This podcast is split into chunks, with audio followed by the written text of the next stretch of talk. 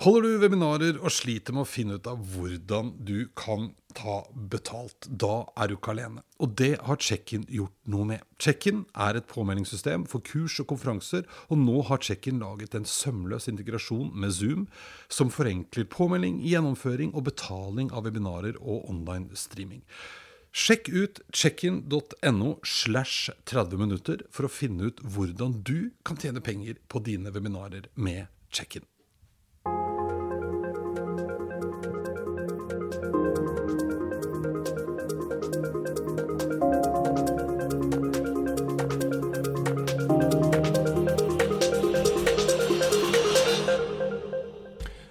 Fjor fikk jeg være med dagens gjest og gi ut boka 'Når juss møter AI'. Christian Bendiksen, som gjesten heter, er advokat fra Universitetet i Oslo og har en master i EU-rett fra Frankrike, og har toppa det hele med en engelsk advokatbevilgning. I dag er han partner og leder juridisk teknologiavdeling i advokatfirmaet Brekkhus. Christian er en oppriktig teknologioptimist og nerd både innen juss og teknologi. Når vi møttes litt tidligere i sommer, snakket vi om hva man bør tenke på når man setter i gang et AI-prosjekt, både som leverandør og som kjøper. Pluss mye, mye mer, naturligvis. Dette er 30 minutter inn i fremtiden, og jeg er Eirik Normann Hansen. Velkommen, Christian. Jo, takk. Ja, det, Nå endelig har vi fått det til. Ikke bare sett på klokka, for det er viktig at vi to har klokke. Ellers så kommer det til å gå over alle støvleskaft. 30 minutter fra nå. Det er vel en, første gangen vi har møttes og vi har bare skravla i 30 minutter. Liksom. Det Ja, ikke sant? Dette, dette er en ambisjon som vi neppe greier å holde. Nei, og da er det jo deilig å vite at vi har jo allerede prata en stund. Og vi kan jo bare fortsette etterpå uten at de andre får høre på. Hvor fint i samme varmen. Eh, jo da, det Ja, er varmt. det er varmt, ja. som, som vanlig, men eh, Ja. verden er fin. Verden er fin. Nå er det jo snart sommer òg. Blir det sommerferie? Kanskje. Kanskje. Vi får se. Og det kan jo hende Det var kanskje litt dumt at jeg sa det, for det kommer litt an på når jeg legger ut den episoden. Men eh, sommer er jo åkkesom. Ja.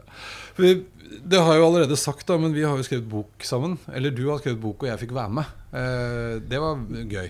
Vi hadde jo moro, da. Vi hadde kjempegøy. eh, Og eh, det er jo der vi traff hverandre, egentlig. Det var litt før det vi skulle ha noe frokostseminar eh, sammen. Som vel aldri ble noe av, mener jeg å huske. Vet du, Det husker ikke jeg Nei, heller, det men det ble jo ja, det ble boka. Det ble boka, det, og det var veldig gøy. Når juss møter AI. Det, det var en som lurte på om hvis jeg hadde fått bestemme om den da het 'Når AI møter juss'.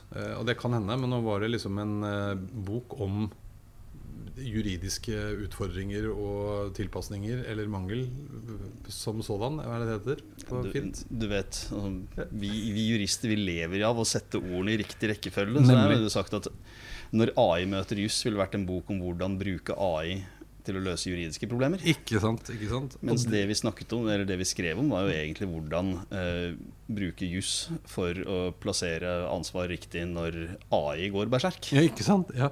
Det jeg husker eh, som jeg syns var nesten aller aller morsomst, en ting var jo alle de gøyale eksemplene som både du og jeg kom opp med, hvor det enten gikk veldig bra, eller som oftest ikke fullt så bra da, eh, i bruk av AI. Men det jeg òg husker at jeg syns var litt interessant, da, det var jo når vi oftere og oftere kom inn på liksom utfordringene med å ha et lovverk som vi har i dag, som bruker altså 48 måneder på å oppdatere seg, mens teknologien raser av gårde. Det er jo litt eh, spennende tanke, det. Og kanskje det er AI-en som må lage lovene, rett og slett, for å klare å følge med? Det tror jeg fort hadde blitt ganske skremmende. Men Eh, nei, altså, jeg, satt jo i et, uh, altså, jeg sitter jo i dette utvalget eh, Norsk råd for digital etikk. Uh, og det kom jo en uh, nasjonal strategi for kunstig intelligens her i fjor. Mm. Hvor de bl.a. gikk inn på dette med at altså, de, de ønsket at vi skulle ha etikk by, by design i ulike former for AI-plattformer. mm. Eh, og jeg må innrømme, altså, det synes jeg er den mest skremmende tanken jeg har hørt på lenge. Ja, For hva betyr det egentlig? Det, det betyr jo da at de mener at man skal ha koda inn gitte etiske normer i måten kunstig intelligens fatter beslutninger på. Ja. Uh, men er det noe jeg ikke har lyst på, uh, så er det en eller annen maskin som selvlærer over etiske prinsipper. Mm. For da kan det fort bli ganske festlig. Altså. Ja, det kan bli. Nå er jo fortsatt fordelen, da, enn så lenge, med AI, som jo uansett hvordan vi vil vende på det, er en maskin. Du kan dra ut stikkontakt, da? Du kan dra ut stikkontakta, men det er jo den store problemet som jeg diskuterer med datasett eh, altså som brukes til maskinlæring i dag, det er jo at den finner underliggende trender og tendenser i de datasettene som vi helst, helst ikke skulle vært der. Og hvis de er der, så har vi i hvert fall ikke lyst til å snakke om dem. de det kommer er jo fra oss, da. Ja, naturligvis. De Ja, kommer fra mennesker, ja, ja. men disse maskinene ser dem. Ja. Og det er jo så. Eh, og så tar de dem i bruk. Og det er jo den der eksempelet som vi har snakket om en del, med det forsikringsselskapet som ble ganske sint på AI-leverandøren sin fordi uh, plutselig så nektet uh, deres forsikringsbot å gi forsikring til mennesker i indre by Ja. I eh, England, fordi at der bodde det farvede mennesker som hadde høyere skader, eh, skaderisiko. Ja. Den hadde da koblet farve, altså hudfarve og skaderisiko, og det er jo noe som straffeloven ikke liker. ja, nei, og det er litt uheldig, akkurat det der. Ja, det er heller ikke særlig god PR. Mm. Så, Men- men, der kan du liksom nappe ut kontakten.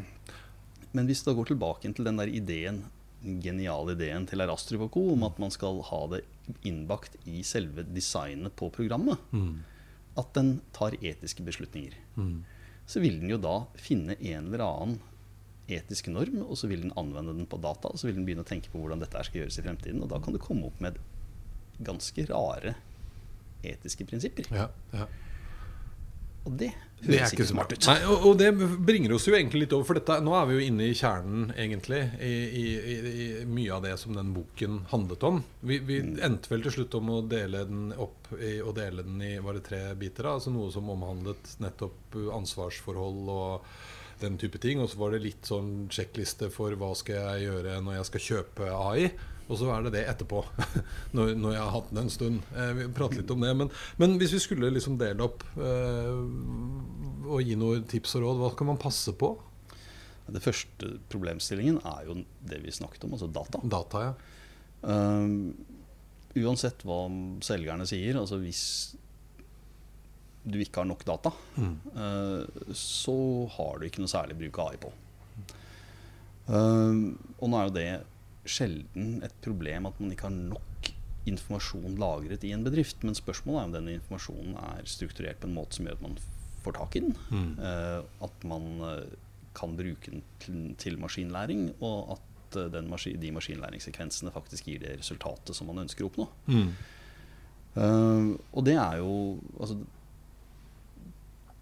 Der tryner de aller fleste i maskinlæringsprosjekter som tryner. Fordi at de, altså, man tar ikke den jobben i forkant med å strukturere opp hva er det jeg har av data, og hvilke data er nødvendig for at denne greia skal gjøre det jeg har lyst til at den skal gjøre. Men, men har det noe med det også, tror du? For du var litt inne på det i stad, og dette kommer litt an på type system. Fordi noen ting, altså Nå har man kommet for veldig langt innenfor medisin med å bruke AI for å stille diagnoser på Altså analysere røntgenbilder for å, å finne kreft, f.eks. Og der heldigvis så er det sånn at da er det data som er ganske strukturert, og den har ikke blitt besudlet så mye av mennesker. Mens på andre områder, sånn som den eh, eh, forsikringsbotten, så er det jo ofte vår historie, menneskets historie, som gjør at dataen er dårlig. Ikke, ikke fordi at vi tradisjonelt har, uh, har ikke vært noen fordel i den vestlige verden å ikke være hvit, f.eks. Eller kvinne. Eller kvinne. Som Ja. jo var den historien når Amazon skulle lage et nytt objektivt ansettelsessystem. Eh, problemet var at de da skulle definere opp de riktige kriteriene for en ansettelse, basert på de eh, arbeidstakerne i Amazon som fungerte best. Vel, når arbeidsstokken din er røftlig 90 hvite menn, så skal det ikke mye til før AI-en lærer seg det underliggende mønsteret. eh, at det er smart å være hvit mann. Ikke sant? Ja. For det, dette har jo ikke egentlig så mye med intelligens å gjøre. Det har noe med at man, de, maskinen leter etter mønsteret og ser hva den har gjort tidligere, og lærer på bakgrunn av det, og så gjør den det samme, bare innmari mye fortere. Men, men, og da er vel litt av poenget ditt at når jeg som en bedrift skal kjøpe noe AI-ting, så må jeg også passe på at den dataen jeg bruker, er eh, av riktig kvalitet og viser de riktige tingene, og at vi faktisk ikke bare tar for gitt at det er på stell, for det er jo vår data som vi har brukt nå i, i mange, mange, mange, mange år. Ja, så er det noe med at uh, du, du må også vite tror jeg, hva eh, du ønsker at systemet skal levere. Mm. For det ene ting er, altså, I samarbeid med systemleverandøren så bør du ha innledende, altså en innledende fase. Eh, hva kan dere få til med Altså dette er datasettet vårt. Mm. Eh, hva kan dere få til? Mm. Og hvis de svarer at her kan vi få til noe, så er det fint. Um, da betaler du for forprosjektet, og så sier du at du får ikke betalt før vi er ferdig med uh, Altså vi har idriftsatt hovedprosjektet. Uh, og der kan det jo tenkes at det blir litt, litt slåssing. Um, men poenget er at de kan lage et helt fantastisk system som ikke funker når vi går fra treningsdataene dine. For de er jo strukturert for å sørge for at en lærer, lærer seg opp til å løse problemet. Mm. Gi forsikring til de folka som skal ha forsikring, med den premien som uh, matcher risikobildet de har. Og så har du da brukt vaskede data som da ikke tar høyde for verken kjønn eller, all, eller øh, hudfarve eller noen av de andre tingene som man åpenbart ikke har lyst til at dyret skal benytte seg av. Men så slippes den løs på den reelle datastrømmen din etter produksjonssetting. Mm.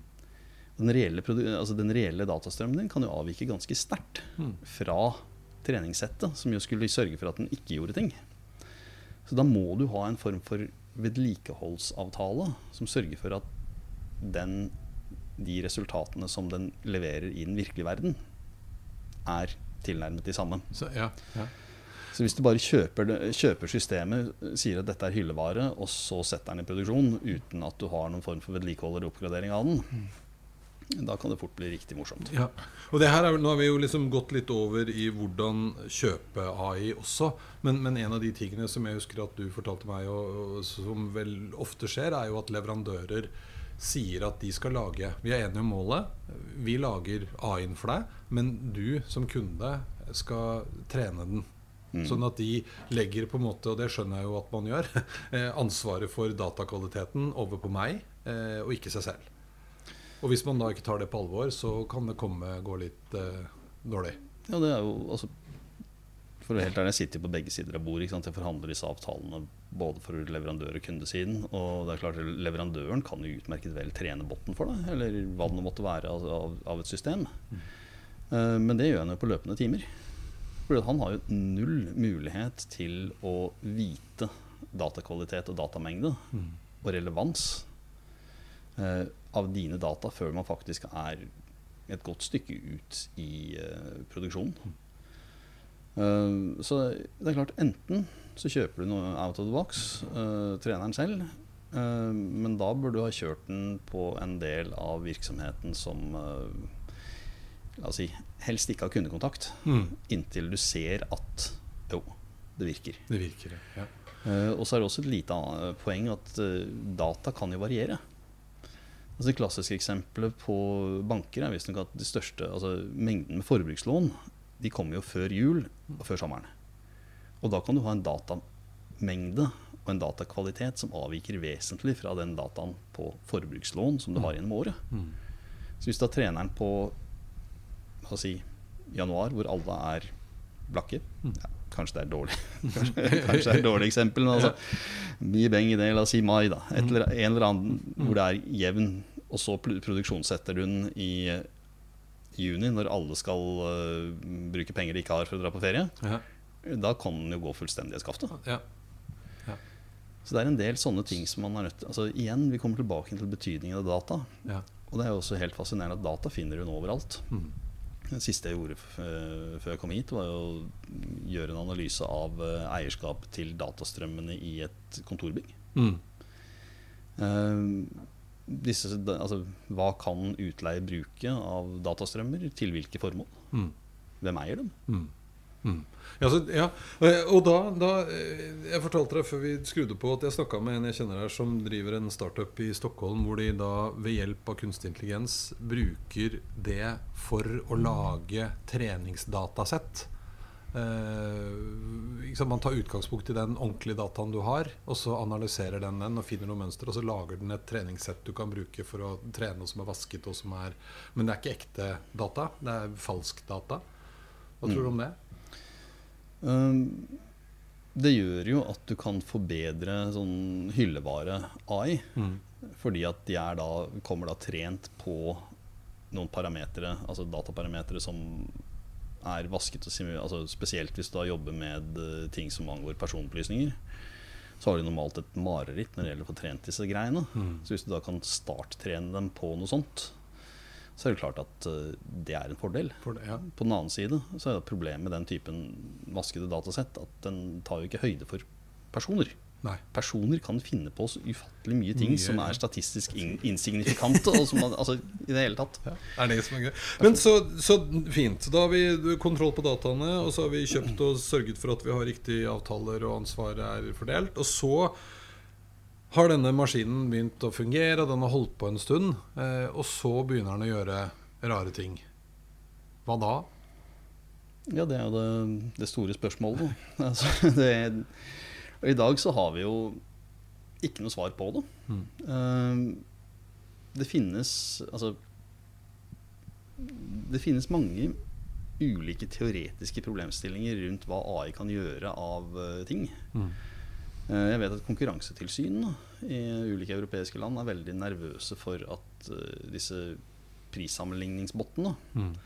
skal finne ut at eh, hvis jeg lover å matche enhver prisreduksjon, men samtidig så har jeg en underliggende mål om å øke prisen, så er det ingen av disse prisbottene som kommer til å senke prisene. De, kom, altså de kommer stilltiende bare til å heve prisene seg imellom. Ja. Er det brudd på konkurranseloven? Ja, for Hvis du og jeg hadde gjort altså vært mennesker, så er det åpenbart det. Ja. Det er kartell. Er det? Det er, det er stilltiende prissamarbeid. Ja. Mens når det er Um, to botter hvor intensjonen egentlig var noe annet Intensjonen var å konkurrere pris nedover. Ja, Men isteden så driver da disse bottene og, se, og, og sakte setter prisene oppover. ja. Og du har sett et par sånne ganske rare eh, plutselige prisøkninger på Amazons eh, nettbutikk. ja. Hvor, hvor den prispotten deres bare går bananas. Mm. Så at det er en potensielt aktuell problemstilling, det har vi. Det var for, jeg tror kanskje ikke det var akkurat det vi snakker om nå, men det var ren tilbud-etterspørsel, eh, botten til Amazon, nå når eh, verden stengte. Min eh, tidligere veileder Espen Andersen fra BI skrev nemlig en bok for mange år siden om hvordan lykkes med eh, videomøter på Mhm. engelsk som selges på Amazon. Eh, og etter hvert som etterspørselen føyk i været, så lå den plutselig ute til jeg tror det var 578 dollar. en liten blekke.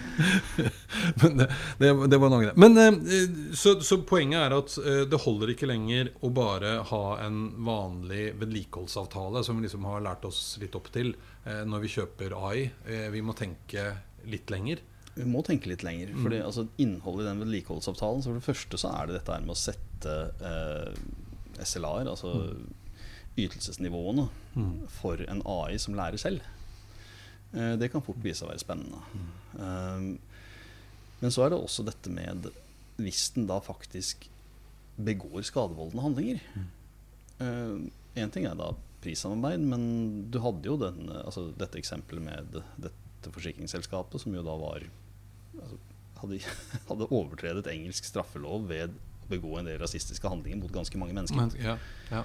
Eh, får du et gruppesøksmål der, Mm. eh, så er altså Selskapet er jo ansvarlig, Mm. for de har satt denne greia i produksjon. Mm. Men spørsmålet er i hvilken grad selskapet da kan snu seg mot leverandøren og si at dette skulle jo aldri skjedd. Nei. Eh, hvilke sperrer var det dere satte over denne mekanismen som gjorde at den ikke skulle i hvert fall bryte loven? Bryte loven, Ja, ja, ja. Men er vi nå inne på For du, du snakka om liksom, hvor, hvor står vi nå, sånn som du ser det, hvis vi hever blikket litt? Eh, du sa et eh, gøy eh, ord i stad. Opplever at det er en litt sånn AI-vinter. Altså, det er jo en god del eh, for et par, altså, La oss si for et par-tre år siden eh, så trodde jo alle at AI kom og skulle ta jobbene våre. Mm. Jeg husker det er en, eh, en rapport fra høyere utdanning, altså Ludvigsen-utvalget i 2015, som kom og sa at eh, i min bransje eh, så ville heldigvis bare 3% av advokatene miste jobben innen 2020. Ja. Men 94% av advokatfullmektigene vil være arbeidsledige i år. Ja. Vi er vel ikke helt der. Nei. Og jeg tror det er litt den oppfatningen, følelsen, som veldig mange som i, fra 15 til 17-18 ble pådyttet disse vyene om at nå er 80% av det jeg driver med, overtatt av skumle, smarte roboter til neste år. Mm. Og som da kjøpte diverse lisenser på diverse software, som viser seg å Dels pga. data, dels pga. at algoritmesammensetningen var for primitiv. Mm. Men, men i enhver omstendighet, de skuffer. De leverer ikke det de skal. Mm. De leverer en brøkdel av det de skal. De har for høye feilmarginer. De, det er ikke nyttig sammenligning, altså sammenligning med bare å sette et menneske der til å gjøre samme jobben. Mm. De folka er jo ikke, De kommer ikke til å fornye lisensen. Da, for Nei, sånn. nei, nei, nei. for, det, for det her er jo litt eksempel en ting som jeg vet at du har jobbet mye med i advokatfirmaet der du jobber. Med å bruke AI til å f.eks. gå gjennom tekst og trekke ut essens. Og, og da Mm. fikk man ganske fort et problem at det fins ikke så mye trent godt nok på norsk. Eh, de blir for upresise. Eh, det tar lengre tid å lære de opp enn det vi kanskje trodde til å begynne med. Eh, og så gir man på en måte litt opp. Eller setter det på hold, da.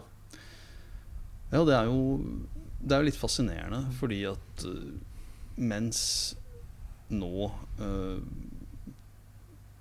en god del begynner å si at dette var ikke helt hva vi hadde regnet med. Dette tror jeg bare at vi stille og rolig lar løpe ut. Og så ligger et lite ikon på skjermen der som ingen klikker på lenger. Mm. Uh, så skjer det jo helt fantastiske ting Mm. med uh, de systemene som driver med eh, det man kaller naturlig språkprosessering, altså språkforståelse. Um, jeg var i møte med en liten norsk startup i går eh, som viste meg hvordan den kunne finne uh, begreper i millioner av sider tekst. Mm. Og da finner den ikke bare ordet reklamasjon, men den forstår at reklamasjon kan være 'jeg klager på', 'dette funker ikke', Mm. eh, og diverse andre varianter av 'dere må se på dette'. Mm. Alt dette lå i den ordskyen som den viste meg. Da begynner ting å bli ganske avansert. Ja. Men er vi da tilbake igjen på at liksom, til å begynne med, som du sa for en tre-fire år siden, så hadde vi rett og slett for høye forventninger? Vi tror at den skal liksom bli et menneske som bare gjør ting himla fort, til nå å være mer ned på øh, faktisk å puste litt med magen og litt mer praktisk øh, tilnærming til det her, da. Jeg tror det. Ja. Fordi at uh, den der ideen om altså, en form for generell AI, en AI som tenker som et menneske, altså, den tror jeg de aller fleste har lagt i skuffen. Og bra er det. Uh, og så er det også noe med at den ideen om at uh, disse AI-ene med en minimum av innsats kan erstatte halve arbeidsstokken, den har vi også lagt i skuffen. Mm. Og bra er det. Mm. Uh, det vi sitter igjen med, det er jo kanskje en mer edruelig holdning til å kjøpe spesifikk programvare Mm. Som løser spesifikke oppgaver som i dag løses av mennesker, men mye kjappere og mye, med mye færre feil dersom du bare forteller den nøyaktig hva den skal gjøre. Ja, for du fortalte, og, og nå er det jo litt gøy å se at eh, det er liksom det offentlige som, som nå har tatt initiativer og gjør ting kanskje litt i det stille, som er mer eh, to the point og med den approachen isteden. Du snakket om et eksempel i stad fra, fra, fra, fra domstolen. Altså Domstolsadministrasjonen Ja. eh, har jo nå fått i oppdrag eh, å digitalisere norske dommer. Mm. Eh, For det er en veldig stor andel av disse dommene som ikke publiseres i Lovdata. Lovdata er også et redskap som er altså abonnementsbasert, for er forbeholdt Mm. jurister. Og diskusjonen nå går jo på hvor mye data Mm. skal man publisere. For jo mer data man har, eh, altså av ren rå juridisk tekst, Mm. eh, jo lettere er det jo å trene systemer som bedriver mønstergjenkjenning, statistisk analyse og annen gøy ting. Ja, ja, Ganske enkelt. Ja. Um, så det, altså, jeg håper intenst at de uh, publiserer så mye som mulig nå. Får til det, ja. Ja. ja. For det andre var sånn som du nevnte også Utlendingsnemnda, som i en sånn typisk saksbehandlingsprosess. Ja, den, den er litt fascinerende. Fordi Mm. at uh, du har jo Lånekassen, som har en uh, mønstergjenkjennings-AI som kjenner igjen i indikasjoner på at noen har fått støtte de ikke skulle ha. Ja. Gjennom bare dra, dra, dra sammen punkter i store datamengder. Mm. Og det, det er jo AI Mm. fantastisk god på. Mm. Og det der med mønstergjenkjenning tror jeg kommer til å bli mye mer brukt i tiden fremover. Mm. Altså finne de mønstrene, underliggende trendene som vi ikke ser. Mm. Uh, mens uh, jeg mener det var Utlendingsnemnda som eh, hadde en uh, Det sto i Klassekampa her for en stund Mm. tilbake at de nå har en bot som godkjenner søknader. Mm. Fordi at disse søknadene er jo da basert på at har du vært i Norge så og så lenge, og har du altså det, det er datapunkter. Mm. Det er ikke noe skjønn. Det er ikke noe sånn i rimelig grad. Mm. Det er bare hvis, så. Mm. Og det er åpenbart at det der er mye enklere å bare få en maskinell behandling. Ja, for, for da tenker jeg jo at det fine med det er, ikke, er at da tar den bort Hvis jeg er saksbehandler og tidligere måtte gå gjennom 100 saker, eh, og hvor kanskje 70% av de var sånn som du sa nå. Ikke sant? Det er enten ja eller nei. Ferdig. Snakka. Er ikke noe vurdering. Ingenting. Det er Enten så har du oppfylt kriteriene, eller så har du ikke oppfylt kriteriene. Men det tar likevel tid. Og så har jeg da 30 saker igjen blir det da, eh, som jeg må behandle mer innen å vurdere. Da kan maskinen i løpet av så lang tid bare Her har du dine 30 saker, det kan du konsentrere deg om. Det andre tar jeg meg av. Eh, en slags arbeidsfordeling mellom menneske og maskin som kanskje er litt mer noe, tilflatelig enn eh, at de skal ta helt over. Ja, det er jo ingen tvil om at altså, det blir mer eh, maskinstøtte Mm. på menneskelig arbeid. Mm. Eh, spørsmålet er jo i hvilken grad den maskinstøtten etter hvert også tar over menneskelig arbeid. Mm. Uh, og det er klart, det gjøres jo en god del. Mm. Uh, det er en uh, klient som jobber med eh, egentlig informasjonssortering, altså postsortering. Mm. Og de sier at i større, i større organisasjoner eh, så sparer de en fem til ti årsverk Mm. på å ta i bruk den, det systemet som lærer seg å kjenne igjen uh, hva slags type informasjon som kommer i inngående post, og hvor den skal. Mm. Uh, og det er klart, da er det en fem til ti mennesker som har gjort en usannsynlig kjedelig jobb, eh, som kan gjøre noe annet. Det er den positive vinklingen. Den, andre, altså den negative vinklingen er at det systemet setter fem mennesker på porten. Ja. Og, og dette her er jo en, en stor og, og sikkert Eller ikke sikkert, men også en vanskelig diskusjon. Men, men det er vel ikke noe tvil om at vi eh, Jeg kjenner at jeg blir liksom litt sånn oppgitt når folk støtter seg på at ja, men forrige gang det var sånn eh, revolusjon, så industriell revolusjon, så skapte det flere jobber enn det det tok.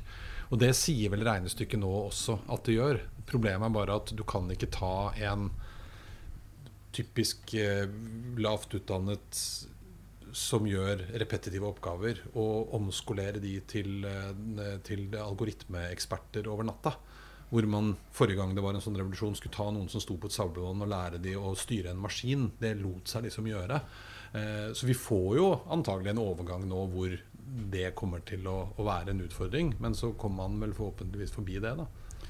Og det er jo en uh, svensk professor ved universitetet i Oxford, uh, Freyer, tror jeg han heter, øh, som jo er usannsynlig pessimistisk på det området der. For han mm. konstaterte jo at når man tok folk fra landsbygda og inn i fabrikkene, så tok det røftlig tre generasjoner å få tilbake den gjennomsnittlige levestandarden som de hadde før den industrielle revolusjonen startet. Mm. Altså en engelsk alminnelig arbeider Mm. som var landarbeider i 1800, hadde omtrent samme kjøpekraften Mm. i 1840. Ikke sant? Ja. Uh, og det er fordi at disse maskinene tok, erstattet hans arbeidskraft Mm. innenfor tekstilspinning og hva det nå gjorde. Mm. Eh, og det er da vi kanskje som samfunn bør se, altså, se litt på hva vi gjør med repetitiv arbeid. Ja, Altså, ja. ja, um, fordi de, disse maskinene blir bedre og bedre. Ja, ja. Det er det som er poenget med selvlærende systemer. De blir mer presise for hver gang de brukes. Og det er for så vidt også et poeng eh, sånn når man eh, jobber med eh, lisensieringen av dem. Altså, det er veldig mange som er livredde for at andre skal stjele min data. Mm. Og Det betyr at de, dette systemet skal kun brukes på mine data og ingen andre. Ja. Ja, men i så fall så får du heller ikke gevinsten av at dette systemet har vært trent på 30 andre tilsvarende bedrifter Ikke før sant? deg. Ja. Så det du, skal gjøre, det du selvsagt skal gjøre, er at den, altså den, um, det systemet skal ikke kunne dekompileres ned til et punkt hvor du får tak i din, dine forretningshemmeligheter. Men ellers så er det at systemene lærer av informasjon, Ja, en god ting. en god ting. ja. De blir mer, de blir mer presise. Ja.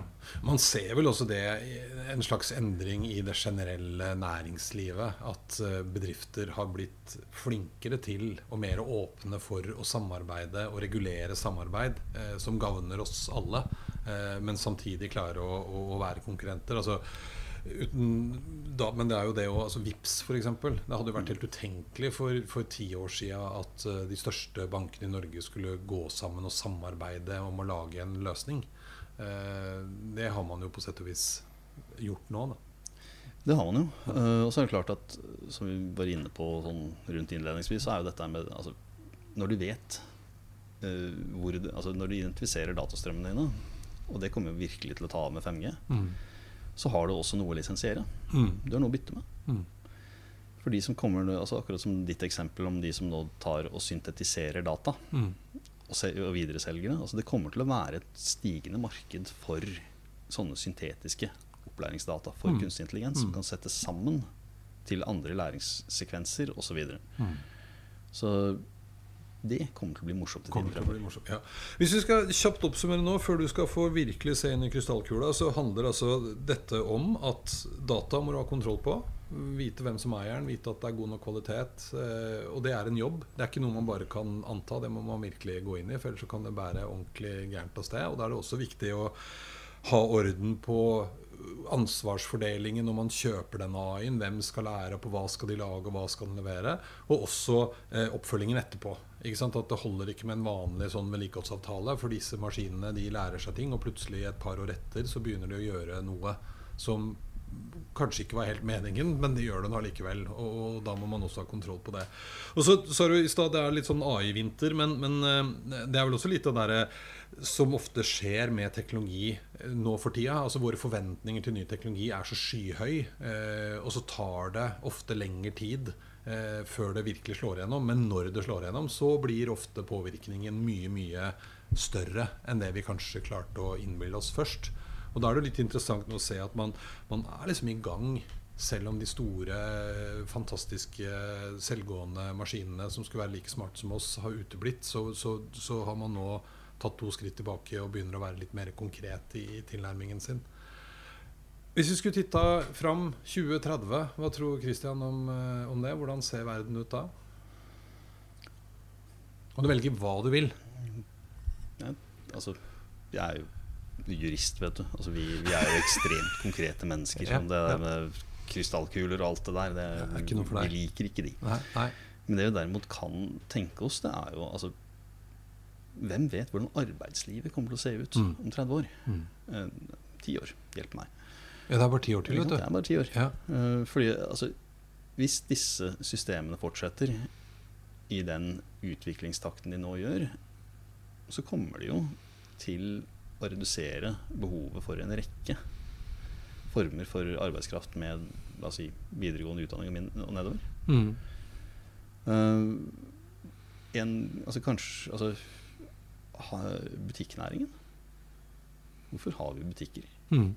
når vi har netthandel? Mm. Uh, bygg og anlegg. Mm. Gud hjelpe oss alle. Mm. Altså, det er noen av de to største næringene i Norge da, Mm. som åpenbart kan ha skremmende store problemer dersom disse systemene blir innført og de blir gode.